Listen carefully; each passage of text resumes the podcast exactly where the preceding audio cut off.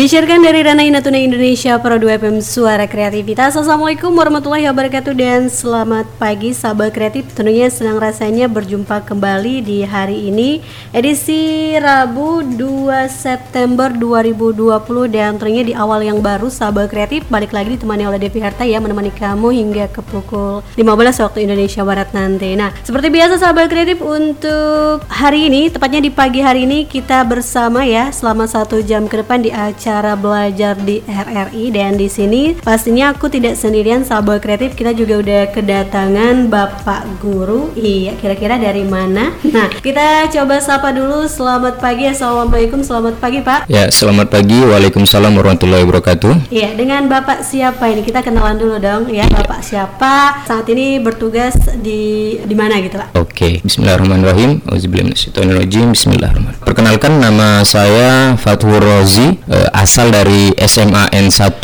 Bunguran Timur ya. Untuk amanah mengajar di SMA N1 Bunguran Timur itu sebagai guru fisika Ya, ya, ada Bapak Fatur Rozi SPD dan saat ini beliau juga memegang mata pelajaran fisika. Iya, iya. benar sekali. Iya, mudah-mudahan sih nggak ada yang loyo ya dengerin fisika harus semangat ya karena ada rumus-rumusnya ya. Iya, iya, iya. Oke, nah ternyata untuk sahabat kreatif untuk pagi ini Pak kita fisikanya belajar tentang apa ini Pak? Fisika untuk hari ini kita akan mencoba mengkaji tentang hakikat fisika atau apa sih itu fisika iya. supaya yang tadi kakak bilang tuh fisika tuh rumus-rumus saja atau menyulitkan. Nah, kita iya. akan kupas pada hari ini lah atau pagi ini. Oke, nah sahabat kreatif kita akan membahas tentang hakikat fisika nanti seperti apa dan ini untuk materi kelas 10. Iya, eh. kelas 10 ini untuk awal yang baru ya. Hmm. Berhubung ini juga tahun ajaran baru tentunya. Iya. Oke deh sahabat kreatif, nanti kamu juga bisa bergabung ya buat kamu yang ingin bertanya terkait pembahasan kita yaitu hakikat fisika di edisi hari ini sahabat kreatif kamu bisa kirimkan pertanyaan kamu, tulis nama alamat serta pertanyaannya ya di 0822 84254102 di kontak WhatsAppnya Pro 2 tentunya. audiolibrary.rri.co.id Kumpulan lagu dari berbagai genre, ragam budaya, dan kategori materi audio RRI. audiolibrary.rri.co.id Klik public playlist untuk tahu perkembangan musik terkini dan terupdate. Play, share, dan dengarkan lagu hits favorit kamu di sini di audiolibrary.rri.co.id.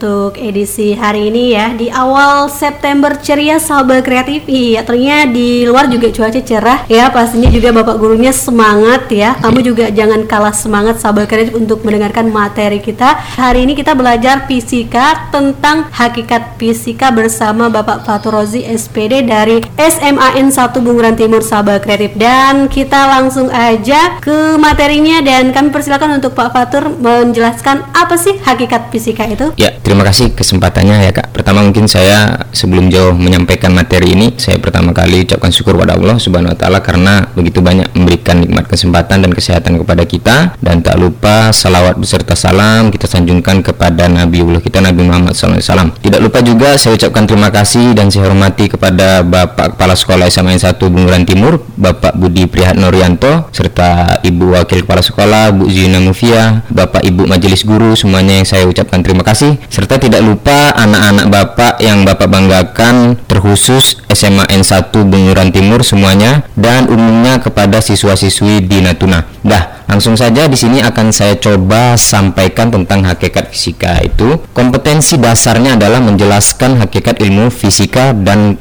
perannya dalam kehidupan, metode ilmiah dan keselamatan kerja di laboratorium. Nah, indikator pembelajarannya adalah atau langsung saja saya ingin tujuan pembelajarannya diharapkan yang pertama itu siswa dapat menjelaskan pengertian fisika ya yang kedua, siswa dapat menjelaskan hakikat fisika dan perlunya mempelajari fisika. Yang ketiga, siswa dapat memahami tentang fenomena fisika dalam kehidupan sehari-hari. Yang keempat, siswa dapat memahami tentang hubungan fisika dengan disiplin ilmu lain. Mungkin di sini sebelum jauh kita membahas apa sih itu fisika, sering sekali siswa itu terbesit ketika mendengar kata fisika. Itu mengatakan bahwasanya fisika itu selalu rumus, rumus, rumus saja, hitungan, hitungan, hitungan saja, atau bahkan dikatakan matematika kedua pelajaran. Sebenarnya pendapat ini adalah sesuatu mindset yang kurang tepat. Kenapa? Karena tidak memahami atau tidak mengerti sebenarnya fisika itu apa. Nah, eh, kita mulai dari pengertian fisika itu sendiri ya. Fisika itu sebenarnya berasal dari bahasa Yunani, Yunani kuno yaitu psikos, yang artinya alamiah, dan fisis yang artinya alam. Nah, kalau kita kaji secara istilah, fisika itu merupakan ilmu pengetahuan tentang sifat dan gejala pada benda-benda di alam. Sebenarnya sedikit saya singgung di sini, kenapa ketika kita tidak menyukai atau menganggap fisika itu sulit, tetapi kehidupan kita itu tidak lepas dari fisika. Contohnya, gadget itu adalah sebuah karya atau produk yang dihasilkan oleh ilmuwan fisika. Kita benci fisika, tetapi kita selalu dekat dengan fisika. Benar nggak tuh kak? Iya, kan nggak boleh seperti itu ya.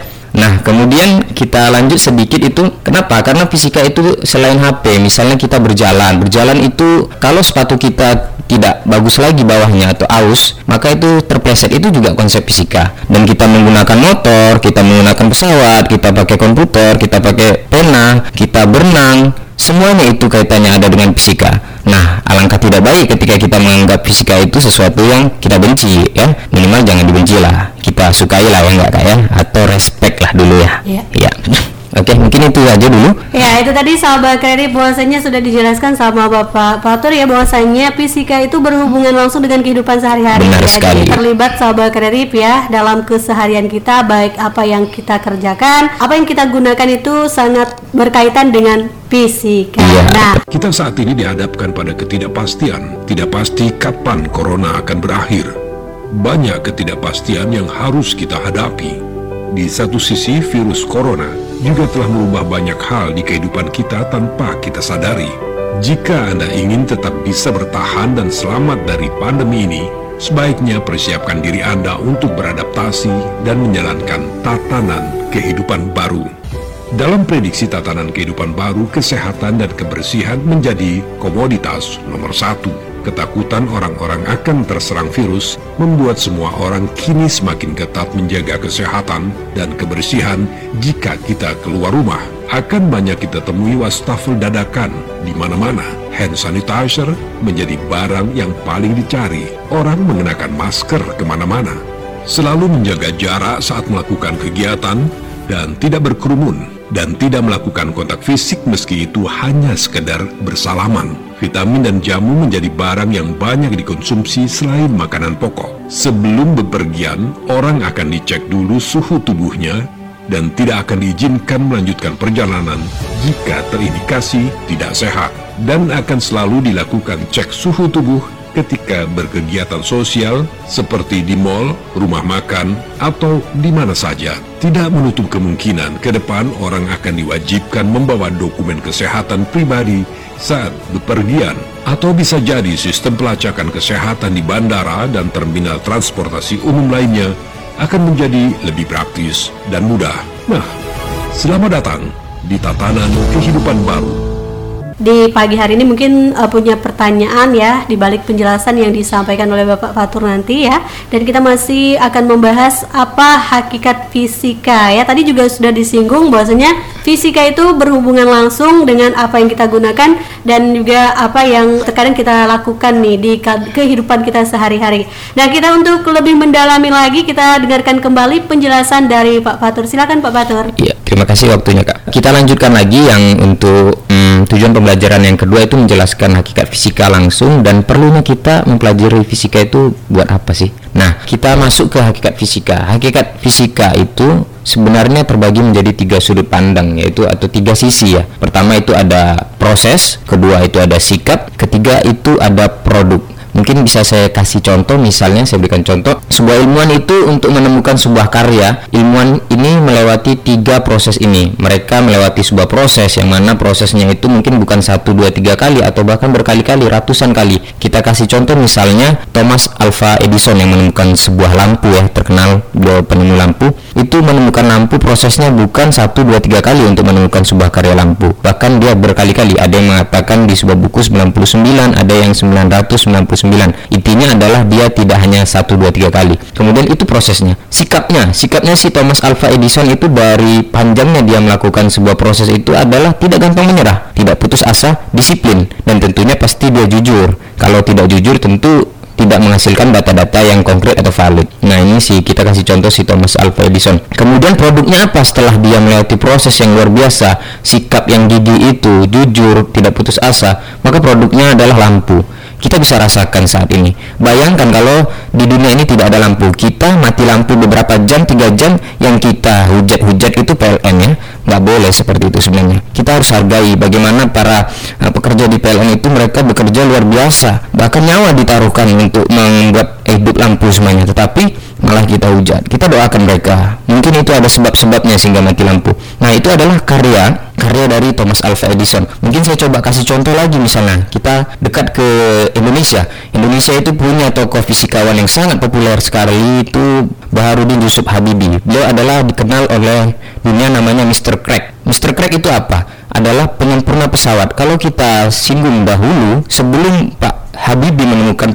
konsep crack ini, pesawat itu gampang sekali jatuh atau gampang sekali terjadi kecelakaan. Banyak sekali dahulu memakan korban. Di sini proses di sini Pak Habibie itu muncul sebuah masalah, maka dia ingin membuat bagaimana pesawat itu tidak mudah jatuh dengan melihat retakan-retakan di sayap pesawat. Nah, makanya dijuluki oleh Jerman itu atau dunia adalah Mr. Crack. Sikap Pak B.J. Habibie ini sangat luar biasa sekali. Kalau saya pernah baca bukunya sedikit itu tentang sejarah Bapak B.J. Habibie atau bahkan difilmkan sampai dua dua sequel ya kak ya. Yeah. Itu Pak B.J. Habibie itu mempertahankan konsep ini luar biasa. Bahkan sedikit saya ceritakan bahwasanya Pak B.J. Habibie ini dia pernah diminta ilmunya untuk diambil, tetapi dia tidak disebutkan namanya karyanya yang diambil tapi dia tidak disebutkan bayangkan tapi Pak B.J. Habibie tetap kekeh ini karya saya saya mati-matian akan membuat ini adalah karya saya kemudian hari ini apa yang kita rasakan nama Indonesia terkenal dengan beliau sebagai karyanya adalah dibilang tokoh pesawat ya itu luar biasa perjuangannya dan produknya apa hari ini pesawat itu luar biasa jadi lebih sempurna lebih mutakhir dan uh, kurang sekali minim atau sedikit sekali terjadinya kecelakaan pesawat itu adalah produk atau karya dari Pak B.J. Habibie ya itu kita harus bangga. Beliau baru meninggal berapa tahun yang lalu ya. Yeah. nah mungkin salam hormat dan kita kirimkan al-fatihah buat beliau ya. Sebentar. Nah itu mungkin sedikit saya singgung untuk hakikat fisika. Kemudian berikutnya saya lanjutkan itu hmm, ruang lingkup ilmu fisika itu sendiri ya. Tadi di awal juga sudah saya singgung. Untuk ruang lingkup ilmu fisika itu terbagi dua. Pertama ada di aktivitas kedua ada di fisik. Pertama di aktivitas makhluk hidup atau benda mati itu contohnya misalnya kita berikan contoh gerak sebuah benda yang misalnya batu ya bergerak atau pasir yang bergerak kena angin atau misalnya kuda yang berlari. Nah itu adalah konsep fisika benda hidup dan benda mati. Tadi saya kasih contoh untuk benda mati misalnya pasir yang tertib angin. Kalau makhluk hidup contohnya kuda yang berlari. Itu adalah aktivitas makhluk hidupnya itu sampai sebenarnya kalau kita bicara aktivitas itu dari yang mikrokopis itu yang paling kecil sampai makro. Mikro itu kita misalnya melihat bakteri virus pergerakannya itu bisa kita bahas di fisika. Kemudian kalau kita yang makro itu benda di luar angkasa bintang ya bulan atau matahari atau planet-planet itu yang makro atau yang lebih besar. Kemudian yang kedua itu fisiknya fisik makhluk hidup dan benda mati. Contohnya misalnya kita adalah pada besi. Besi itu kalau dipanaskan awalnya kan besi itu keras tapi ketika dipanaskan dia uh, mulai bentuknya berubah. Nah, di sini makanya para para ahli parang bisa buat parang ya kan, bisa buat pedang itu dari konsep fisika, bisa merubah fisik suatu benda atau wujudnya. Seperti itu. Mungkin ini saja penjelasannya ya, Kak. Ya, oke okay, sahabat kreatif kita masih berbicara tentang hakikat fisika. Tadi juga sudah disinggung ada dua ruang lingkup ya terkait di fisika ini sahabat kreatif ya. Untuk lebih mendalami lagi nanti kita juga bakal bahas kembali. Nah kembali aku undang buat kamu yang punya pertanyaan. Tadi sudah dijelaskan beberapa hal terkait hakikat fisika ini. Nah mungkin ada yang mungkin uh, sedikit penasaran ya ataupun kurang memahami sahabat kreatif ya terkait materi kita di hari ini, kamu bisa langsung saja bertanya di kontak WhatsAppnya Pro 2. Kirimkan pertanyaan kamu di 0822 84254102. Yeah. audiolibrary.rri.co.id lagu dari berbagai genre, ragam budaya, dan kategori materi audio RRI. Klik public playlist untuk tahu perkembangan musik terkini dan terupdate. Play, share, dan dengarkan lagu hits favorit kamu di sini di audiolibrary.rri.co.id. Enjoy your music.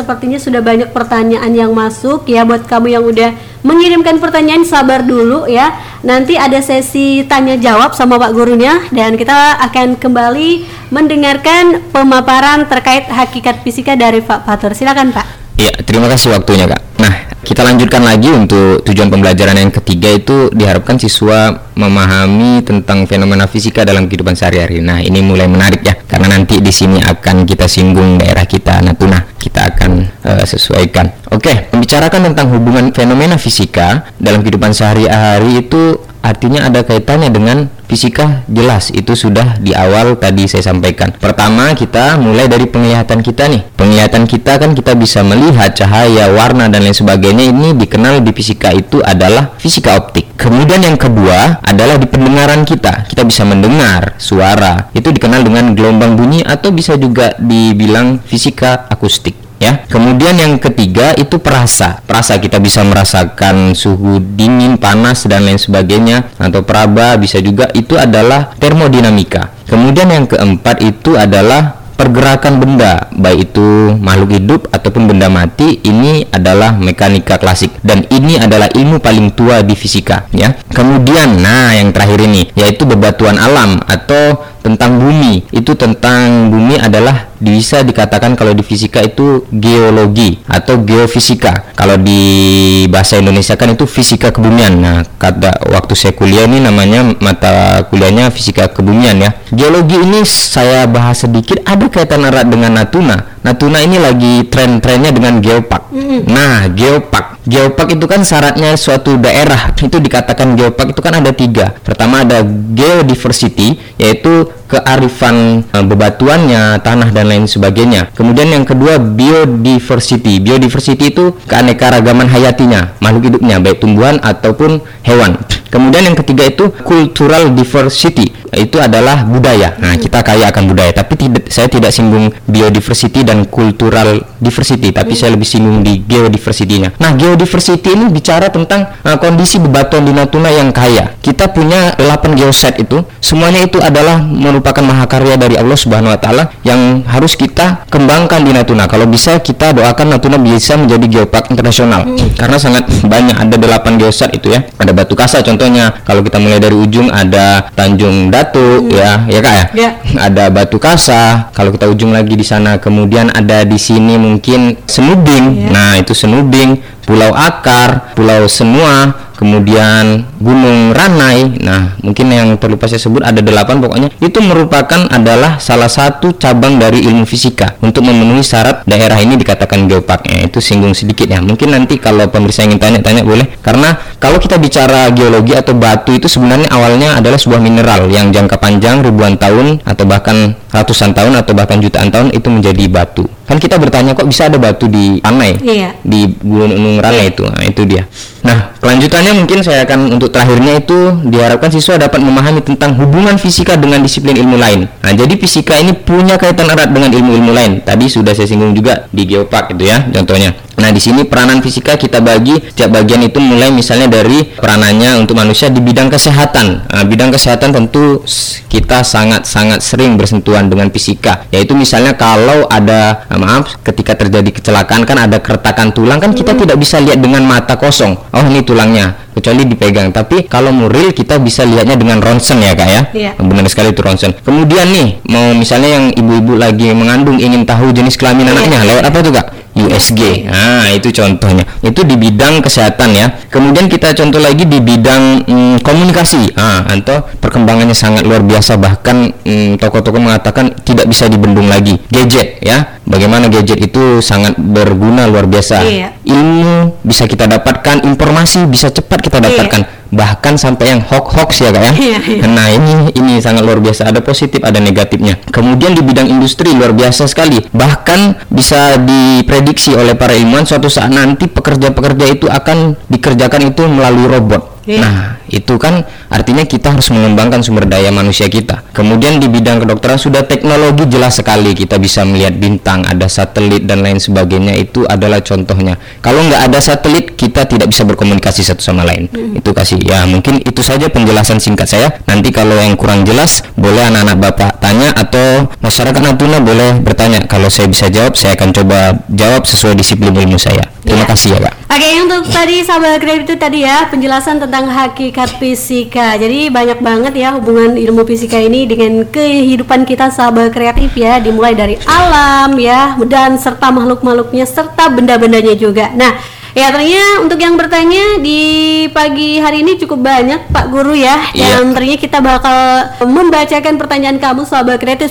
Pak Pater udah siap ya? Insya Allah Iya. siap ya. Oke, nah untuk pertanyaan pertama nih sahabat kreatif kita sapa selamat pagi buatnya Mario Saprinul Hakim di di Jalan Jenderal Ahmad Yani Ranai Darat. Selamat pagi ya. Eh, dan dari SMA 1 Bunguran Timur ingin bertanya. Ini anamburiknya ya, Pak ya. Iya, iya.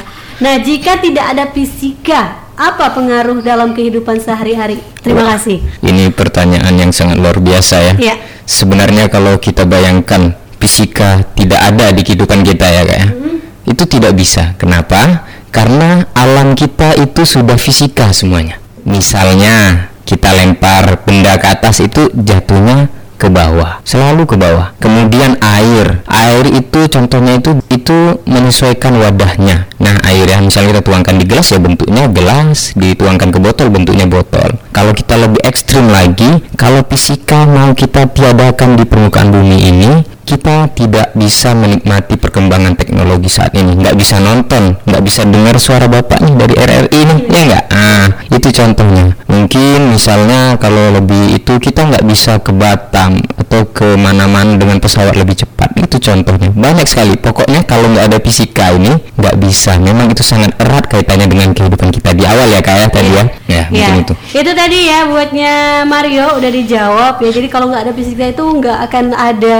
mungkin nggak dengar juga siaran siaran kita di ini ya. Di RRI ya? Iya satelit juga. benar sekali Iya, nah kita lanjut ke pertanyaan berikutnya. Assalamualaikum, waalaikumsalam ya. Namaku Palin Hadi eh, Muhammad Palin Hadi Putra dari kelas 10 MIPA 2. Di sini mau bertanya, iya, sikap apa yang harus diambil dari hakikat fisika atau bagaimana menyikapi tentang fisika? Terima kasih. Oke, makasih kembali. Untuk sikap apa yang harus kita ambil dari fisika itu? Sikapnya banyak sekali. Pertama, kita mengutip atau mengambil dari para ilmuwan yang tadi sudah diceritakan di awal tentang Thomas Alva Edison atau Bapak Baharudin Yusuf Habibie. Pertama itu sifat kita adalah itu Bapak harapkan juga bisa ditanamkan bagi siswa-siswi Bapak di Natuna dan khususnya untuk SMA 1 ya. Pertama itu disiplin. Kita harus mem- mempunyai sifat yang disiplin. Jujur itu pasti, tidak gampang menyerah atau tidak putus asa itu pasti. Nah, itu adalah salah satu contohnya. Kalau kita sudah disiplin, jujur, kemudian tidak gampang putus asa, nah, itu salah satu dari sekian banyak sifat ilmuwan itu maka kita akan bisa menjadi orang yang luar biasa.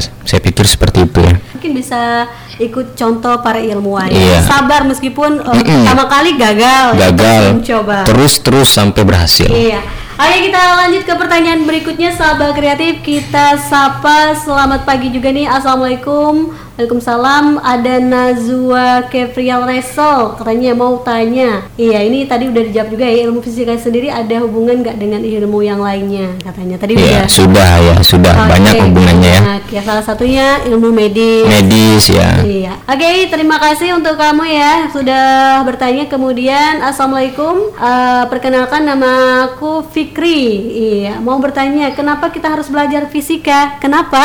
Nah, ya. Iya. Kalau kenapa harus belajar fisika tentu perlu belajar fisika karena supaya kita tahu kenapa sebuah benda ini bisa seperti itu dan lain sebagainya itu perlunya. Kalau mau jadi ilmuwan, mungkin mau jadi ilmuwan ya itu perlunya di situ ya. Kalau tidak mau jadi ilmuwan, bagaimana kita menanamkan sifat ilmuwan pada diri kita? Itu Iya. perlunya minimal seperti itu. Iya, Ya. jadi mungkin kamu juga tipikal orang yang penasaran kenapa eh, sesuatu benda itu bisa bergerak ya di Ah, tempat. iya seperti itu. Iya, pastinya punya alasan ya. Oke, kita beralih ke pertanyaan berikutnya sahabat kreatif ya. Ada Muhammad Aiman Syah dari kelas 10 MIPA 2. Pertanyaannya adalah berapa lama Thomas Alva Edison membutuhkan waktu untuk membuat lampu, Pak?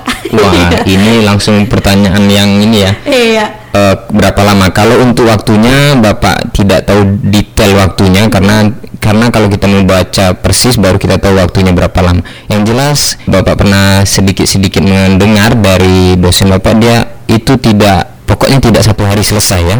Itu bertahun-tahun baru dia bisa menghasilkan lampu. Jadi bukan satu dua tiga hari kita satu hari bahkan satu jam cari sesuatu jawaban dari soal guru nggak Iya, ketemu aja iya, udah ngeluh. waktu. Heeh. Pokoknya si Thomas Alva Edison ini setahu bapak dan sependengar bapak itu dia tidak butuh waktu satu hari tapi tahunan baru dia menemukan sebuah karya. Iya, nah jadi eh, sesuatu itu butuh proses dan Mm-mm. proses itu membutuhkan waktu yang cukup, Cukup lama. Mm. Oke, sahabat kreatif kita beralih ke pertanyaan berikutnya. Ada Assalamualaikum Waalaikumsalam Nur Fikria dari kelas 10 MIPA 2. Pertanyaannya, contoh aktivitas benda mati lainnya apa saja, Pak? Terima kasih. Oke, makasih kembali. Nah, ini minta contohnya. Contoh benda mati lainnya ya banyak sekali tadi batu sudah kita kasih contoh pasir, air. Misalnya benda mati di kehidupan kita, misalnya kayu. Kayu itu kan benda mati ya. Nah, itu kayu kita bisa seperti ini dan seperti itu bentuknya misalnya jadi meja. Itu di dalamnya tanpa disadari itu juga ada konsep fisikanya. Nah,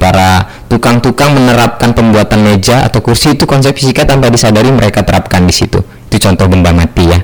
Oke, plastik itu kan benda mati ya, ya? Iya, iya. Nah, itu digunakan jadi dibuat untuk jadi kipas angin dan lain sebagainya. Itu contohnya seperti itu. Nah, itu tadi ya sudah digambarkan ataupun sudah diberikan contohnya. Kita next ke pertanyaan berikutnya nih. Selamat pagi, pagi kembali. Ada Mengwan katanya, kelas eh, 10 MIPA 2. Pertanyaannya itu fisika itu meliputi apa saja dalam kehidupan sehari-hari beserta contohnya. Nah, tadi ini udah disinggung juga ya kan, mulai dari yang mikro, mungkin dari atom, yang benda nggak nampak, sampai benda yang nampak, sampai benda yang sangat besar dan di luar angkasa ya. Kalau di luar angkasa tadi bintang, planet. Kalau yang nampak di kita misalnya ya, yang nampak di mata kita. Misalnya manusia dengan manusia, pasir, batu dan lain sebagainya nampak.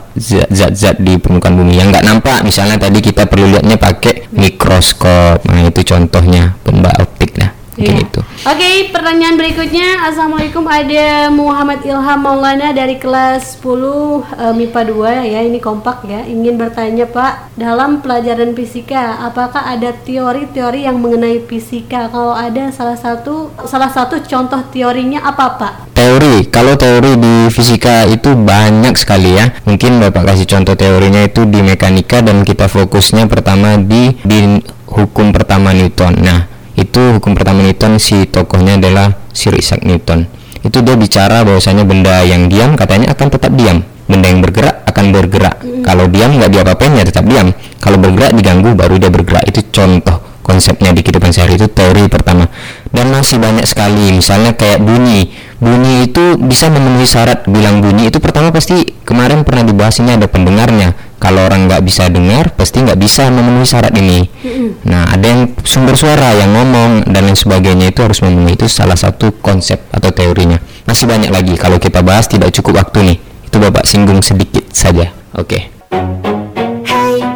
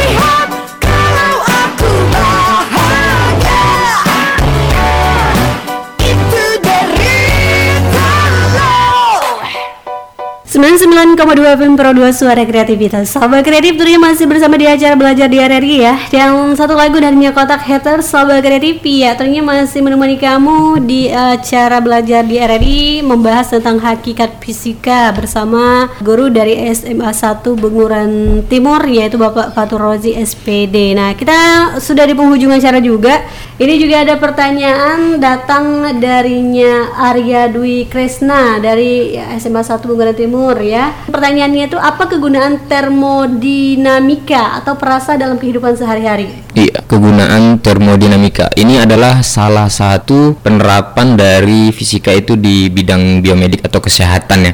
Sekarang ya, untuk masuk suatu daerah kita pasti harus mengetahui suhu orang itu harus dipastikan di bawah 36 derajat Celcius. Itu pakai termometer sebenarnya. Cuman termometernya yang digital lebih canggih di diarahkan ke jidat kita maka langsung muncul. Termometer itu adalah untuk mengukur suhu panas atau dingin suatu benda atau makhluk hidup. Itu fungsi termometer. Dan untuk saat ini COVID-19 ini itu sangat perlu sekali ya, Mbak. Ya, itu.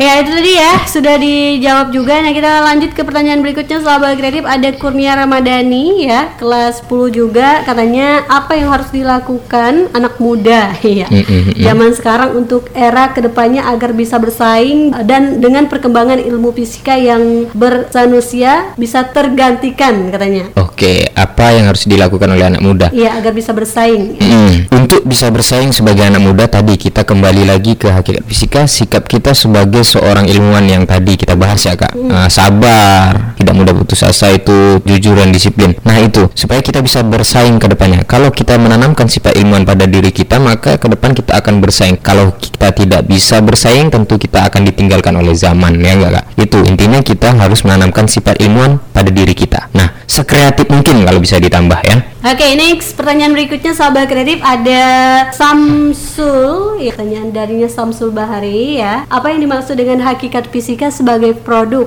dan contohnya? Terima Oke. kasih. Di awal sudah dijelaskan juga hakikat fisika sebagai produk adalah menghasilkan sebuah karya atau sesuatu yang bisa dimanfaatkan oleh manusia di alam semesta ini. Contohnya produk misalnya ya Bapak kasih contoh simpel handphone. Lah, itu aja. Iya.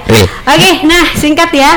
Oke, ini sahabat kreatif ini pertanyaan terakhir ya. Ini ada Tiara dari kelas 10 MIPA 1. Nah, pertanyaan ini apa sih cabang-cabang ilmu fisika? Oh, cabang-cabang ilmu fisika ya kayak banyak sekali. Ya, misalnya tadi sudah fisika optik sudah penglihatan, gelombang bunyi atau fisika akustik, pendengaran sudah. Yang belum mungkin misalnya untuk elektrostatis atau elektrodinamika ini listrik, kaitannya dengan listrik. Nah, itu adalah contohnya ya. Kemudian biomedik itu kesehatan. Nah, masih banyak lagi sebenarnya, cuman kita tidak cukup waktu. Itu saja inti sedikit ya. eh, gambarkan sedikit dari cabang-cabang ilmu Hmm. fisika sahabat kreatif dan terima kasih guys buat kamu yang sudah mengirimkan pertanyaannya sorry banget ya untuk pertanyaannya yang belum sempat kita eh, bacain di pagi hari ini karena keterbatasan waktu nah Iya. di akhir nih Pak Batur mungkin eh, kesimpulan kita terkait hakikat fisika di pembelajaran kita hari ini? Ya, eh, kesimpulan terakhir buat anak-anak Bapak di seluruh Natuna, siswa-siswi di SMA 1 khususnya, terutama yang jurusan IPA di kelas 11 12 dan kelas 10 yang tentunya semua berhadapan dengan fisika. Bapak harapkan kalian mulai berpikir bahwasanya fisika itu adalah sesuatu yang tidak menakutkan. Dan karena apa? Karena fisika itu sangat perlu di kehidupan kita dan dekat dengan kehidupan kita. Minimal awalnya jangan su- tidak suka dulu. Mau mau apa mulai suka atau respect dengan pelajaran fisika dan mungkin kalau kita kembangkan rasa itu kita mulai cinta dengan fisika intinya jangan tanamkan fisika itu hal yang menakutkan mulai dulu peduli atau kemudian baru sukai itu saja mungkin Ya itu tadi sahabat kreatif ya terkait pembelajaran kita tentang hakikat fisika di pagi hari ini ya. Udah siang juga dan sebelumnya terima kasih buat Pak Fatur Iya, yang sudah memberikan materi fisikanya ya di hari ini sahabat kreatif tepatnya di acara belajar di RRI dan terima kasih juga sekali lagi buat yang udah mengirimkan pertanyaannya. Sorry untuk yang belum sempat kita bacakan di lain waktu kita bakal berjumpa kembali. Terima kasih selamat siang sampai jumpa. Wassalamualaikum warahmatullahi wabarakatuh Thank you.